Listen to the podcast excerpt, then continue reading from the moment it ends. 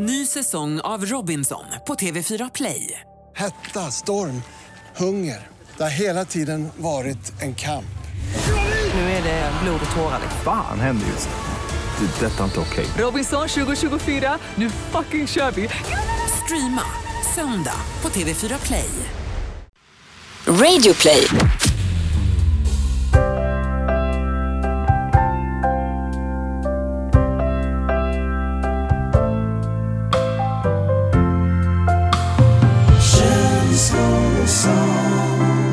Hej alla gössar.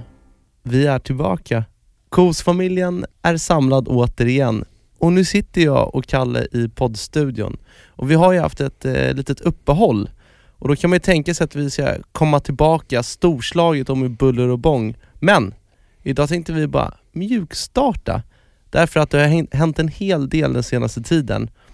Och vi tänkte dela upp det här avsnittet i två intervjuer kan man nästan säga. Mm. Där jag nu i första delen intervjuar dig Kalle Ja. och eh, sen att du i andra delen intervjuar mig. Så att vi får en klarhet i vad som faktiskt har hänt senaste tiden. Mm. För jag tror att vår kära Kos-familj vill veta allt. Hur låter det Kallis? Det här låter, det låter kanon tycker jag. Mm. Och vi som eh, är i Känslor och sånt-familjen vet ju att eh, man börjar ju alltid ett samtal, en intervju eller ett möte med en god gammal vän med en fråga. Och det är, Kallis, hur mår du egentligen? Där kom den. Mm. Jag kan väl säga så här att jag har ju mått, jag har ju mått bättre. Ehm, och eh, lite, mycket av anledningen till att vi har haft det här uppehållet nu på några veckor eh, beror ju främst för att jag inte mått så himla bra. Mm. Eh, jag, har, jag har gått in i väggen. Den berömda Ja, wallen. den berömda väggen. Den tog en till slut alltså.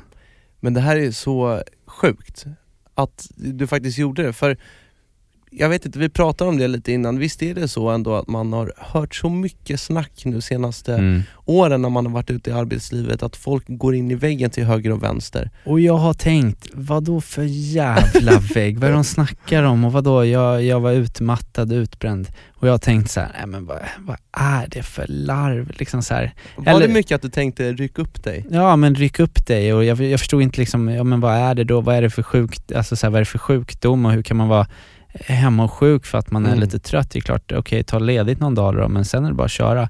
Och det är, för det är precis det jag har gjort, jag har kört på i Ja. mitt liv. Både för mig Kalle och för Kos-familjen.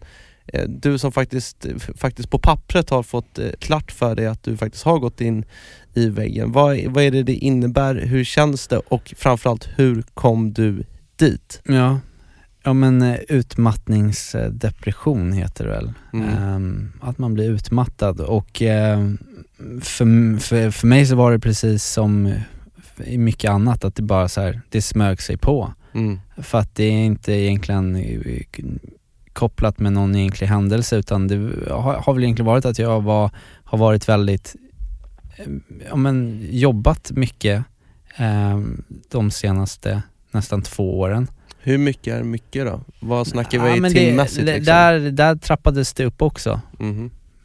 Eh, men senaste året så har det varit liksom, jag har börjat tidigt på morgonen, gått upp vid fem Uff. och ibland kommit hem vid ja, men fem, sex på kvällen Mm. och haft hela tiden ett väldigt högt stresspåslag. Mm. Dels att, att jag vill prestera, prestera och eh, sen känt också krav från andra håll och kanter. Mm. Eh, en stor anledning till att det till slut blev för mycket är nog också för att, att jag har, jag är sämst på att sätta gränser och säga nej. Mm. Och jag, här har man en podd där man ska berätta hur man känner men jag har hållit så extremt mycket så här inombords. I vissa liksom sammanhang har jag svårt att säga att det här klarar jag inte för jag vill bara vara en ja-sägare, Mm. vara folk till lags och visa att jag kan och ha extremt höga krav på mig själv. Mm. Eh, och allting har ju gått bra också. Alltså jag, det är det som är kanske lite det här konstiga hela för att jag har egentligen haft allt jag velat, ha drömt om i mitt liv. Din karriär har ju gått spikrakt upp sen du satte din fot i radion. Exakt, och, sen, eh, och det är nog därför också jag har velat så mycket för att i- jag hade en period innan dess, innan jag började där, Mm. jag varken hade någon flickvän eller hade någon, eh, hade någon jobb och sen, Mm, så, sen så blev det bara att jag körde på i 180. Och till slut så började jag ju känna av alltså fysiska symptom. Eh, att jag liksom för ganska många månader sedan så började jag få, alltså jag var så sjukt spänd hela tiden. Jag hade ont i nacken, jag hade ont i ryggen, jag hade ont i huvudet. Eh, och jag liksom förstod att det kom för att jag liksom spände mig, för det är det man gör när man stressar. Ja, för visst var det så att du fick någon eh, massagebehandling här på jobbet Mm. innan du verkligen gick in i väggen och då var det ju någon som berättade att du låg lite kritisk till, eller vad sa hon? Ja men precis. du var att- inflammerad? Ja, att jag hade inf- inflammationer i, mellan liksom skulderbladen, hela ryggen var som så här tungt block liksom. Var det inte så att hon, det var det värsta hon någonsin hade? Jo, hon sa att, det här, hon sa att du, du är en enda stor knut sa hon. Ehm, och, Stackarn, eh, fan. och alla de där grejerna, alltså, och till slut så blev det ju till den punkten att jag så här vaknade upp och bara fan, jag kan, jag kan inte, jag kommer inte ur sängen idag liksom. Och jag, och jag fattade själv inte riktigt vad det var så här. Utan det var inte ens förrän jag kom till en läkare som kunde så berätta för mig vad det var för liksom Mm. att till, alltså till slut så, det, det funkar inte att köra på för hårt för att man eh, stressar och utsöndrar mass, massa kortisol och mm, ja, till slut så blir du helt så sönderkörd liksom. Och också Mm. så här hur tank, tankarna liksom bara, det bara gnagde i huvudet liksom. Men det här har jag undrat över ganska Ja. mycket för jag har ju hört folk som säger att jag kommer inte upp ur sängen. Och jag då som inte alls har varit i den här världen, kan inte du förklara, vad, vad, är det, vad innebär det? Är, det? är det att man inte har någon ork i kroppen eller är det att man har för mycket ångest och ligger i smärtor eller vad är det som händer? Ja men liksom? typ, typ, typ alltihop alltså. En alltså så här sjuklig ångest liksom. Mm. Alltså som, som du har haft säkert i, i, för ångest är ju inget farligt att ha egentligen. Det har man ju i så här korta perioder. Eh, Det är ju ångest är ju, och den här stressen och oron, det är ju liksom, som jag har förstått i alla fall, att man, man skyddar sig liksom. Man blir så på helspänn, man är rädd liksom. Mm. Eh, Men om du har den helt kontinuerligt hela tiden, då, då, då blir det ju till slut att du får liksom känna så här fysiskt liksom. att- Mm. Men vad sjukt alltså. Jag har, ju, jag, har ju, jag har ju märkt att du har mått kass också och jag har sett att ditt ansikte har blivit, eller blev gråare och gråare tills den dagen som du faktiskt satte ner foten och eh, slog ett slag för dig själv nästan och sa upp dig. Ja, men jag, mm, det är ju så, någonstans så blir det också så att man inser att, fan, att, eh, att hälsan liksom går, Mm. går först. Hur funkar rehab för en människa som har mått så dåligt med stress och sånt där? Hur tar man sig därifrån? Har du påbörjat någon Ja, resa där liksom, eller hur ser Mm. det ut? Jag, jag går och snackar eh, hos en psykolog, Moget. Det är Ja. väldigt inne. extremt inne. Men också jag, jag tycker det är jätteintressant liksom. Mm. Därför att eh, du och jag kan ju snacka jättemycket men just när det kommer till så här, va, jag har inte lyckats, riktigt lyckats förstå ibland varför jag har liksom så här, får vissa tankar och varför hon är väldigt duktig på att förklara Mm. varför man, hur saker och ting liksom är kopplade liksom. Ja. Och det är egentligen i mitt fall, så här, det, är, det här är ju skitvanligt liksom. Hon sa du är skolboksexempel på någon som är liksom fått Mm. så här utmattningsdepression och stressar du för mycket och för en längre tid då, då orkar liksom inte, då sätter kroppen till slut nej liksom. Mm. Så vad är hennes rekommendationer? Är det fortfarande att, Nej men att man ska vila, det är det enda. Att, att, ta, det, att ta det lugnt liksom. och vila. innebär det Lion Bar? Sitta Nej, ner och- med en stor kanna bärs och spela lite på Nej, jag, Jack Vegas? Ja, möjligtvis. Men jag, jag, jag tror inte alkoholen är lösningen här liksom. Och det har jag märkt av Nej. själv också, att jag mår inte Mm. riktigt bra att dricka av och sådär. Nej. Och det, det, i slutet där när jag- när jag hade, mådde riktigt tungt, då tog jag ju mycket um, smärtstillanden och sömntabletter och grejer och så. Och det, det blir så här eh, temp, temporära liksom belöningsgrejer liksom. Mm. Eh, men, eller belönings, men ja, så här för att bara Dämpa dämp- smärtan, och dämpa, dämpa Ja. tankar, dämpa Ja allt. exakt, dämp, för det blir bara att det går, Dämpa känslor. ja det går på högvarv liksom. Mm. Men jag känner mig ändå eh, att jag känner mig ganska, ja men, eh, så optimistisk inför, Mm.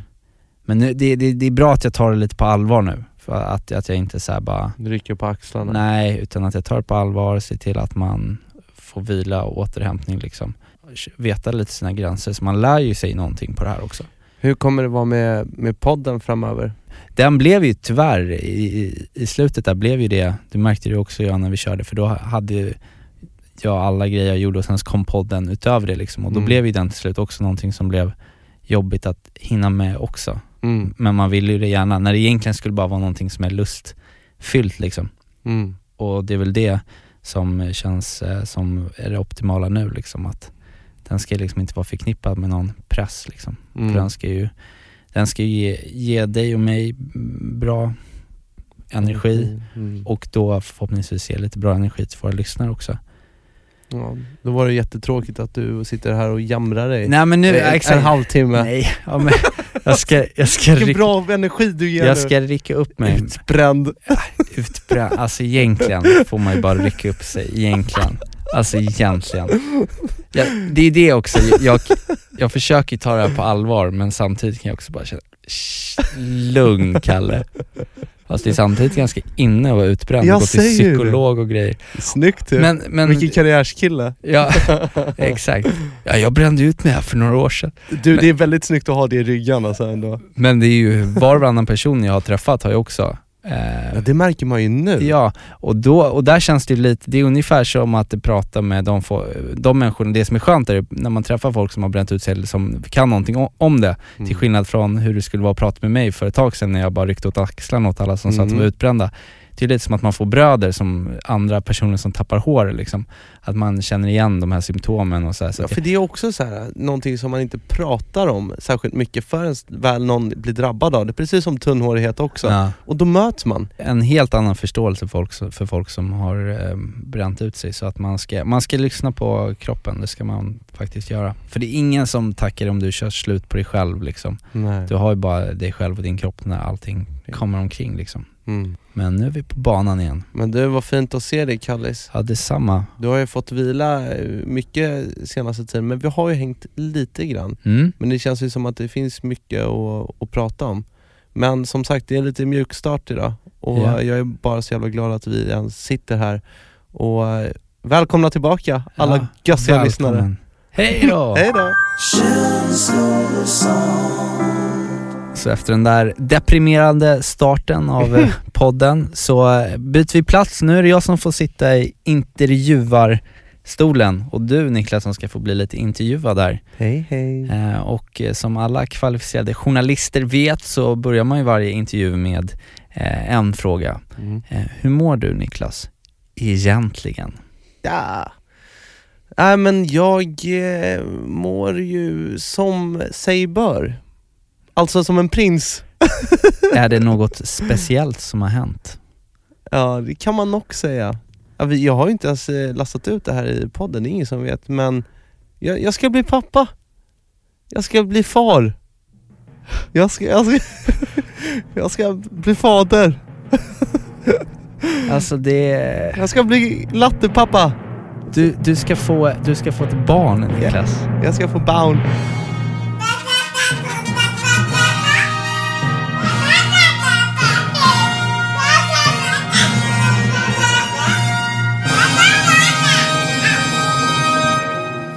Och vi är inne i eh, vecka 20, vilket innebär att det är eh, halva grav- graviditeten och barnet eh, beräknas komma i februari. Och jag ska gifta mig i december. Mm. Så det är extremt mycket som händer nu eh, de här eh, kommande månaderna.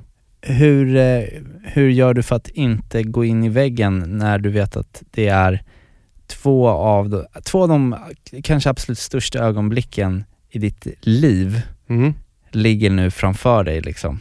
Ja. Och du känns ändå ganska, du känns lugn som en filbunke. Är det för att du inte riktigt har kunnat ta in det eller är det för att du bara, Det är nog både och. Alltså jag, jag tror att jag är en eh, kille som är lite manjana manjana. Jag, jag har det här mindsetet, om allting i mitt liv hittills har löst sig, trots att det har varit väldigt stora utmaningar ibland och jag har varit nära gränsen till att jag inte vet hur man ska lösa någonting, så har det ändå löst sig. Mm. Och med det i, i, i ryggan så, så är jag ändå ganska rak i kroppen och huvudet högt inför den här utmaningen. Men om vi bara kan spola tillbaka här nu. Mhm. För vi har ju vetat att du har förlovat dig Mm. och ska gifta dig. Mhm. Men kan du bara berätta om när dagen du fick reda på att du var gravid med din tjej? Ja, för vi att, är faktiskt gravida. Tillsammans såklart. Mm. Ja, hur fick du reda på det? Hur reagerade du? Och vad liksom hände inombords? Vad När, jag kände. ja, vad, vad kände du liksom? Um, Okej, vi backar tillbaka bandet tills... eh, När du inseminerade dig? om man spolar tillbaka bandet till, eh, till när det faktiskt hände, Mm. så var det ju så att jag och Elif, min fästmö, ja, men vi, bör, vi gick över från p-piller och kondomvaruhusets briljanta kondomer till någonting som kallas för Natural Cycles. Mm. Eh, och det är en app i telefonen som är kopplad till en, em, en termometer som, man, som tjejen då har i munnen. Man, man tar tempen varje morgon för att se ifall man är fertil eller inte. Eller fertil, att man har ägglossning eller inte egentligen. Mm. Eh, och då så kan man använda det här på det sättet genom att man kan ligga alla gröna dagar när man då inte kan bli gravid och sen så på röda dagar, då, då ska man ge fan Mm. om man då inte vill ha barn. Men då var det en dag när vi gössade och det var på röd och jag tänkte att what the meck liksom. Mm. Så körde vi och bara tänkte att ja, om det skulle bli barn, då är det meant to be. Så att då blev det! Det var rysk roulette, det, Det var, var alla det. markerna på röd. Men jag är, bara- jag är snart 30, så Ja. att för mig kä- kändes det ändå, jag har längtat efter barn också ska jag säga. Ehm, så det var, det var ju jättehärligt. Men då var vi i Malmö och Elif hade då inte fått sin mens, så vi köpte ett graviditetstest på eh, apoteket, vi var på ett hotell och sen så eh, pinkade hon på stickan då, då och vi var så spända. Och sen så kollade vi på den och så står det att hon inte är gravid. Oh. Och då var det liksom, jag kände nog ändå en lättnad där liksom, måste Ja. jag ändå säga. Men sen så kom mensen inte ändå. mm. Så um, då köpte vi ett nytt graviditetstest när vi hade kommit hem igen. Och vi var i lägenheten, vi gjorde samma procedur och Elif sa till mig att nu får du kolla, jag vågar inte ens kolla på den här stickan. Och jag ser att det här lilla strecket då som, som ska bli om man är gravid, det började tona upp sig. Och jag förstår ju direkt att shit, hon är gravid. Hon är gravid och då hade hon känt lite så här. Eh, jag, tror, jag vet inte om hon hade några så här, ont, i brösten eller om hon hade mm, lite så här illamående, jag kommer inte ihåg. Men det var ju, det var ju svart på vitt då. Och det vi förstod var ju att första testet vi gjorde, då var det lite för tidigt att ta testet. Mm. För det, man måste vänta någon vecka innan man kan göra det. Liksom. Min reaktion då var i alla fall att eh, jag bara gick ut till Elif i vardagsrummet, visade stickan och sa att okej, vi ska bli föräldrar. Du är gravid. Vi är gravida, vi ska ha barn. Och, så, och, och, och Elif visste inte vad, hon var i chock, jag var i chock. Vi bara, No, God! No, God, please, no! No! Oh my god, yes! Och jag gick eh, till skåpet, till spritskåpet, lö, drog, upp, drog upp en stadig vodka, ren vodka. Oj, oj, Och sen så gick jag tillbaka till eh, eh, vardagsrummet, sa till Elif, jag ska bli pappa, Juhu! Och så drog jag upp supen i strupen och hej då! Och sen så bara, jag blev pappa. Började gråta och så började jag skratta och så började jag gråta. Och den här chocken lades inte förrän kanske så tre dagar senare. Jag har, träffat en, jag har träffat en fantastisk tjej som jag visste redan från dag ett att den här kvinnan kommer bli en riktigt bra mamma Mm. till mina barn. Alltså det var ju första feelingen när jag träffade Elif. Mm. Så att varför inte köra nu? Mm. Elif har snackat om barn jättelänge och Mm. jag har känt också att det ska, skulle vara kul. Så att, Men, men, är vi. men sjuk, alltså sjuk grejen då. ja, verkligen. Men nu har det ju gått halvvägs liksom. Mm. Hur, hur känns det för dig då? Det coolaste måste ju ändå vara att det är en del av dig liksom. Ja, en liten nickis. Ja men det, det liten är, nickis ja, men Elif. det är ju, det är ju, det är ju du där liksom. mm. Efter det här, Mm. efter det här året, 2017, då är man egentligen done med allting som man, så, ja men du vet så här, klassiska utstakade mål i livet. Det finns ingenting va, eh, mer, alltså än barn. När du Nej. har gjort barn så bara så här, ja det är väl att fortsätta karriären och gössa livet Mm. ut sen. Men barn är ju det som är liksom på toppen, för när man är liten så är det så här, okej man ska börja skolan, man ska göra en utbildning, man ska hitta en, eh, en, en partner och så ska man gifta sig och sen har vi barnet. Mm. Vad finns det mer efter det? Döden. Jag säger ju det. Det är ju, det är det är, det är det också. Men eh, vad är, vad är din största, vad är din största rädsla med att eh, bli pappa då? Ja men framförallt är det väl eh, ekonomi. Alltså Mm.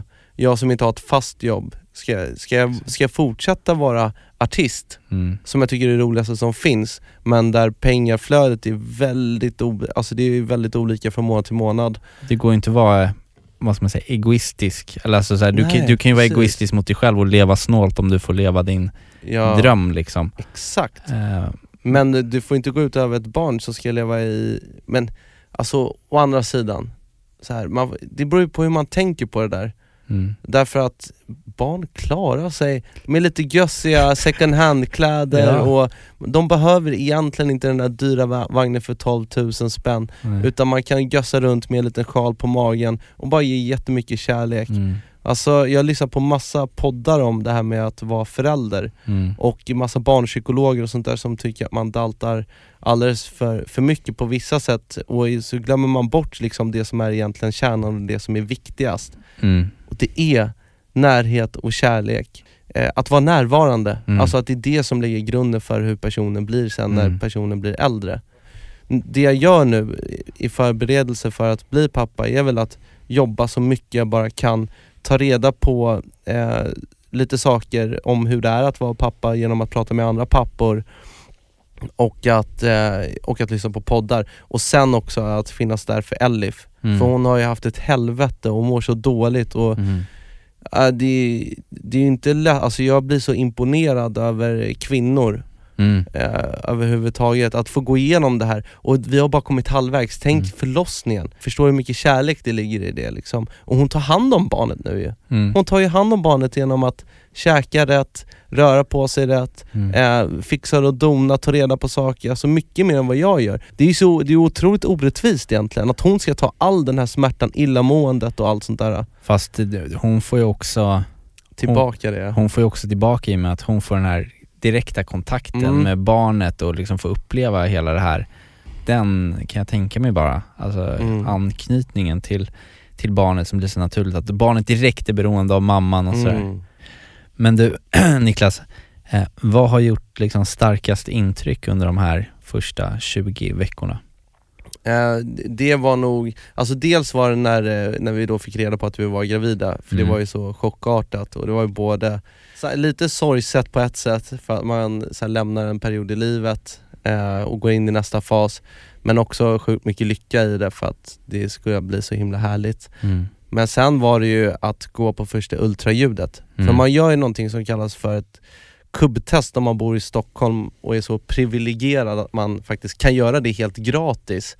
Och ett kubbtest innebär då att man eh, gör en liten eh, kontroll på barnet för att se om det är någonting som är fel. Är det när man smetar ut eh, någonting, liten kräm på magen Ja. och sen går man med en sån här, eh, Ja, ultraljud. ja, Snyggt!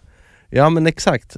Och det var ju sjukt därför att jag har ju, det har jag berättat om i podden tidigare, jag har ju varit och gjort ett ultraljud för länge sedan när jag var 20 år, mm. för 10 år sedan nästan.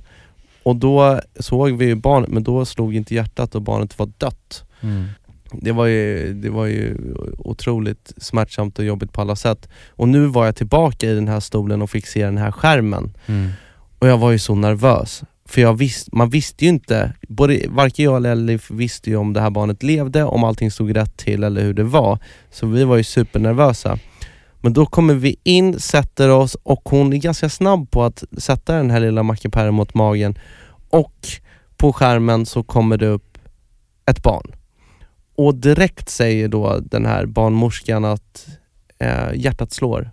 Mm. Och att få höra att hjärtat slår, det var, alltså jag, då, blev jag, då hamnade jag i chock igen. Ja. För jag bara okej, det är en levande varelse där inne. Det, det, det är ett barn. Och, eh, och också till skillnad från första gången, jag visste ju inte, jag trodde ju man såg stillbilder, jag fattade inte att det var eh, film. Och jag visste inte att barn rörde sig där inne så tidigt. Men det, det jag fick se var en liten sprattelånge liksom, Ja. med stort huvud Ja. som bara gössade runt där i magen och eh, det var ett jävla liv och alltså jag, jag blev jag blev helt stum alltså, jag både skrattade och blev tårad i ögonen liksom. Elif började gråta direkt. Oj. Så sen efter det här eh, mötet och alltihopa såg superbra ut, de sa att all, alla värden var perfekta och du vet, åh, det känns så jävla bra. Då gick vi och firade med att ta in på en liten restaurang och vi åt gott och mitt under den här lilla middagen då bara, då bara gick det alltihopa in för mig. Alltså Mm. jag, jag kunde ta in situationen långt senare och helt plötsligt så bara började jag gråta mitt i middagen. Så jag bara, av lycka då, men Mm. alltså det, att, också att det var som chock. Eh, Det var så fint liksom att se att där är en liten mini-mi Mm. i den bästa människan som jag vet, Elif. Mm. Så bara, vi har gjort en liten gösse där. Så att eh, sen efter det så kändes alltihopa mycket tryggare och lugnare. Sen gjorde vi ett till ultraljud nu för någon vecka sedan och alltihopa såg jättebra ut fortfarande. Så att nu är det egentligen bara att eh, vänta för alla organ är utvecklade. Nu ska den bara jäsa i ugnen och sen hoppas vi på att det blir en bra förlossning i februari och att bröllopet går hyfsat med en stor Magge. Wow. Det råder ju ingen tvivel om att eh, du kommer bli en fantastisk pappa till det här lilla barnet. Så kär, ta lite whisky ska vi se på en centiliter, det märker inte mamma. Och, eh, och det roliga, alltså, det, det roliga är, det är ingen som har frågat hur mår farbror Smoken? Det kan vi ställa motfråga då. Smoken, hur, hur reagerade du förutom att du blev chockad? Vad har du tänkt under tiden nu, under den här graviditeten? Vad fan ska han gå? Ja, men jag, jag tänkte, nej men jag, jag, jag, jag blev, jag, blev ja, men jag hade svårt att ta in det. Ja. Vi är alltid lite på så olika nivåer liksom, du vet så här. Nu hade jag precis gått och skaffat liksom tjej också, för att annars har det varit att du var för tjej, jag har varit singel. Så, så ska du alltid hoppa upp en jävla trappa, ska du gifta dig så ska du skaffa barn. Då måste jag ju jobba som tusan för att komma upp, för jag tänkte att vi skulle vara lattefarsor Jo tillsammans. men det är det som är så bra, för att jag och Elif, om alltihopa går hyfsat bra här nu då, Mm. då hade vi förhoppningsvis tänkt att det vore trevligt med ett barn till sen, Just om det. inte alltihopa, Mm. ja men om alltihopa går okej. Och Mm. till nästa barn, gissa vem som får sitt första då? Då måste vi tajma det där ja. Ja. Exakt. Men det ska bli väldigt roligt att få komma och vara den där lilla busiga farbrorn där till, till barnet. Ja gud, världens bästa Uncle Smoken. Mm. Det ska, jag, är, jag är himla glad för er ska jag säga och ert, er graviditet och ert barn. Och det ska bli roligt att följa här för nästa vecka kanske vi får höra någonting nytt. Mm. Ja vi får väl Då se. kanske man fått reda på vad det är för eh, kön, vem Mm. vet? Eller vad som, om det har sparkats och grejer. Mm. Det ska bli följetong på det. Mm, mm. Men du eh, Kallis, Ja, hur, eh, hur känns det att vara tillbaka och snacka ut om det som har hänt eh, senast? Är det ångestfyllt eller känns det, det, känns, bra? det känns jättebra. Det känns bra att vi gör det liksom bara så här på, på vårt sätt som Mm. vi gör det nu. Men det är en grej som, som jag tycker fattas och som jag eh, och du och alla vi som har gått igenom olika saker nu skulle behöva riktigt mycket av. Och det är ju Peter Borossis lugna Oh. stämma. Eh, och eh, vi träffade på honom här i korridoren när vi kom Mm. till poddstudion och han gav båda oss en stor varm eh, kram. Mm. En- Liten extra till dig. Ja, och med sina vet. snälla ögon och sin lugna, han verkligen tog in en bara och gav så mycket kärlek. Ehm, och eh, äh, det är fantastiskt att vi ska nu få lyssna på ett nytt eh, avsnitt av En lugn stund med Peter Borossi. Här kommer den. En lugn stund med Peter Borossi. Varje morgon så går jag en morgonpromenad numera. Jag promenerar längs ett motionsspår som är helljusbelyst. Jag började i somras och det är ju en, en väg på mitt hälsoprojekt. Häromdagen så slog det mig. Det var så vackert. Och jag kände en sån enorm frid inombords. Genom lövverket, genom barren, genom grenarna trängde solen fram och skapade en, en vacker bild. Och när jag såg det här blev jag alldeles varm i ansiktet. Jag bara kände inombords att oh, nu mår jag bra. Och då bestämde jag mig för en sak. Det här ögonblicket ska jag komma ihåg. Det här ögonblicket ska jag ta med mig under vintern, när det blir mörkt, när det blir kallt, när man kanske inte ser solen mer än någon timme varje dag. Jag ska spara det där ögonblicket inombords och plocka fram det när jag mest behöver det. Det finns stunder i livet som man aldrig vill glömma. Stunder när allting känns perfekt. När livet är så som man vill att det alltid ska vara. För mig handlar det om naturupplevelser. Det kan handla om ett vackert sceneri. Det kan handla om en kyss. Det kan handla om väldigt mycket. Men sparar man på de där lyckliga stunderna så är det lättare i mörka situationer att klara av det jobbiga. Så gör som jag. Samla på lyckliga stunder. Det berikar ditt liv. Det gör dig lyckligare och det får dig att må bra.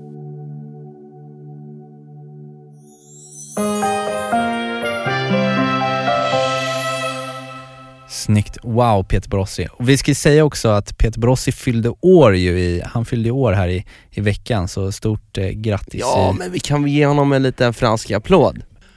Un, deux, trois! Un, deux, trois! Grattis Peter. Grattis Peter. Och nu ska vi egentligen eh, rappa här, Mm. eh, köra en freestyle.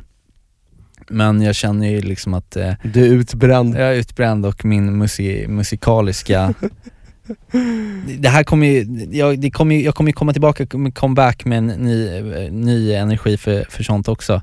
Eh, och skriva så här djupa låtar om den svåra tiden och allt sånt där. Smoken är tillbaka och grejer. Ja, Men eh, det, då det, passar det väldigt bra att vi har en pärla på lager Mm. som inte vi har spelat upp för vår eh, känslor och sånt familj. Precis innan det brakade loss lite för mig så var vi tillbaka i Vakna med Energy Studio för en Ja. ny rap attack. Och vi hade ju, eh, vi hade ju celebert besök där i studion också, för vi passade ju på. Tove Lo var på besök i eh, Sverige, hon är ute och flänger överallt, hon är det, stor! Det är ju en världsartist alltså. Ja, hon är, kolla hennes streams på Instagram, kolla hennes videos. En liten detalj som jag ändå vill säga, Kallis. Hon, hennes videos som är så bejublade och Mm. är, eh, det är top notch videos som eh, folk älskar. Vet du vem som har regisserat de videosarna? Nej. Tim RM. Aha. Och Tim RM var killen som gjorde min första video som inte ens ligger ute längre, men för svett. Det är en kul detalj att veta. Jaha, shit. Men Tove Lo var i alla fall asgullig. Vi fick ju en, en, en liten stund där med henne och vi skulle göra en rap attack. Mm. Och det, det var ju fett att få eh, uppträda med en, en, Mm. en världsartist. Vi hade ju skrivit eh, rappen och, och refrängen också och Ja. hon tyckte att det var fett. Mm. Så att eh, vi tar väl och lyssnar på den här. Så här lät det. Veckans freestyle!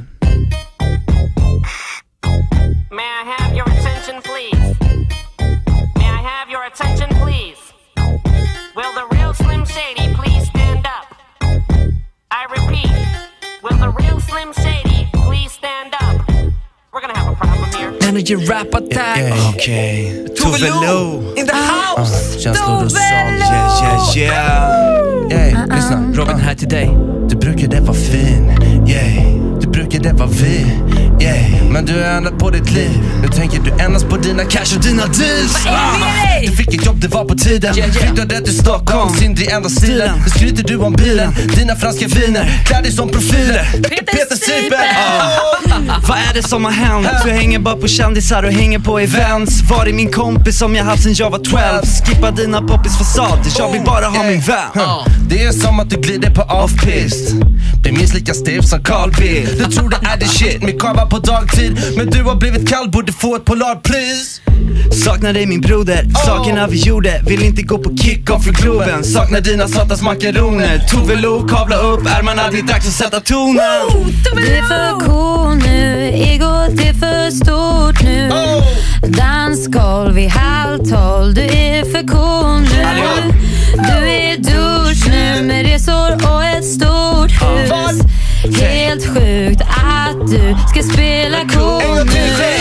Du är för cool nu, egot är för stort nu.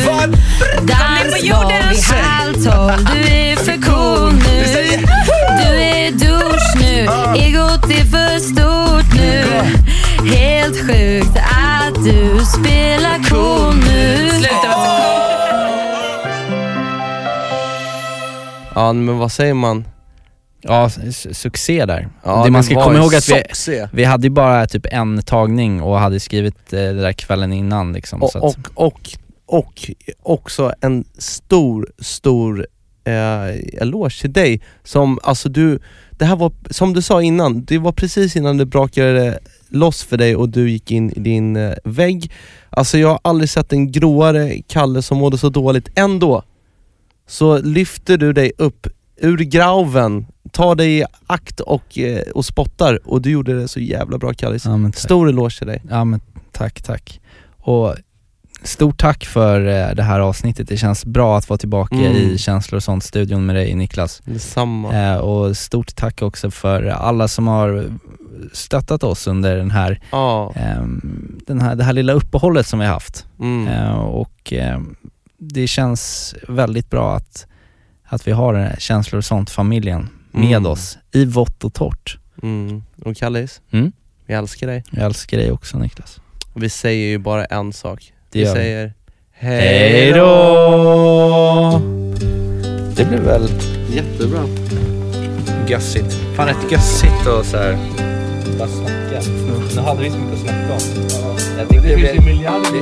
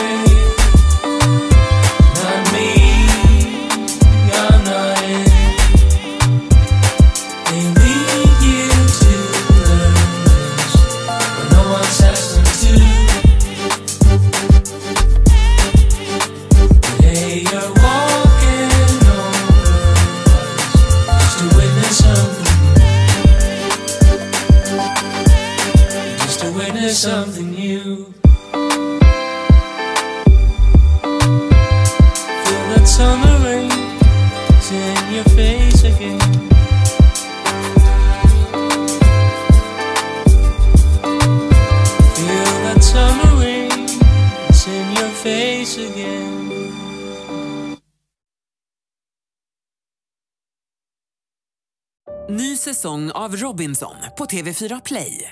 Hetta, storm, hunger. Det har hela tiden varit en kamp.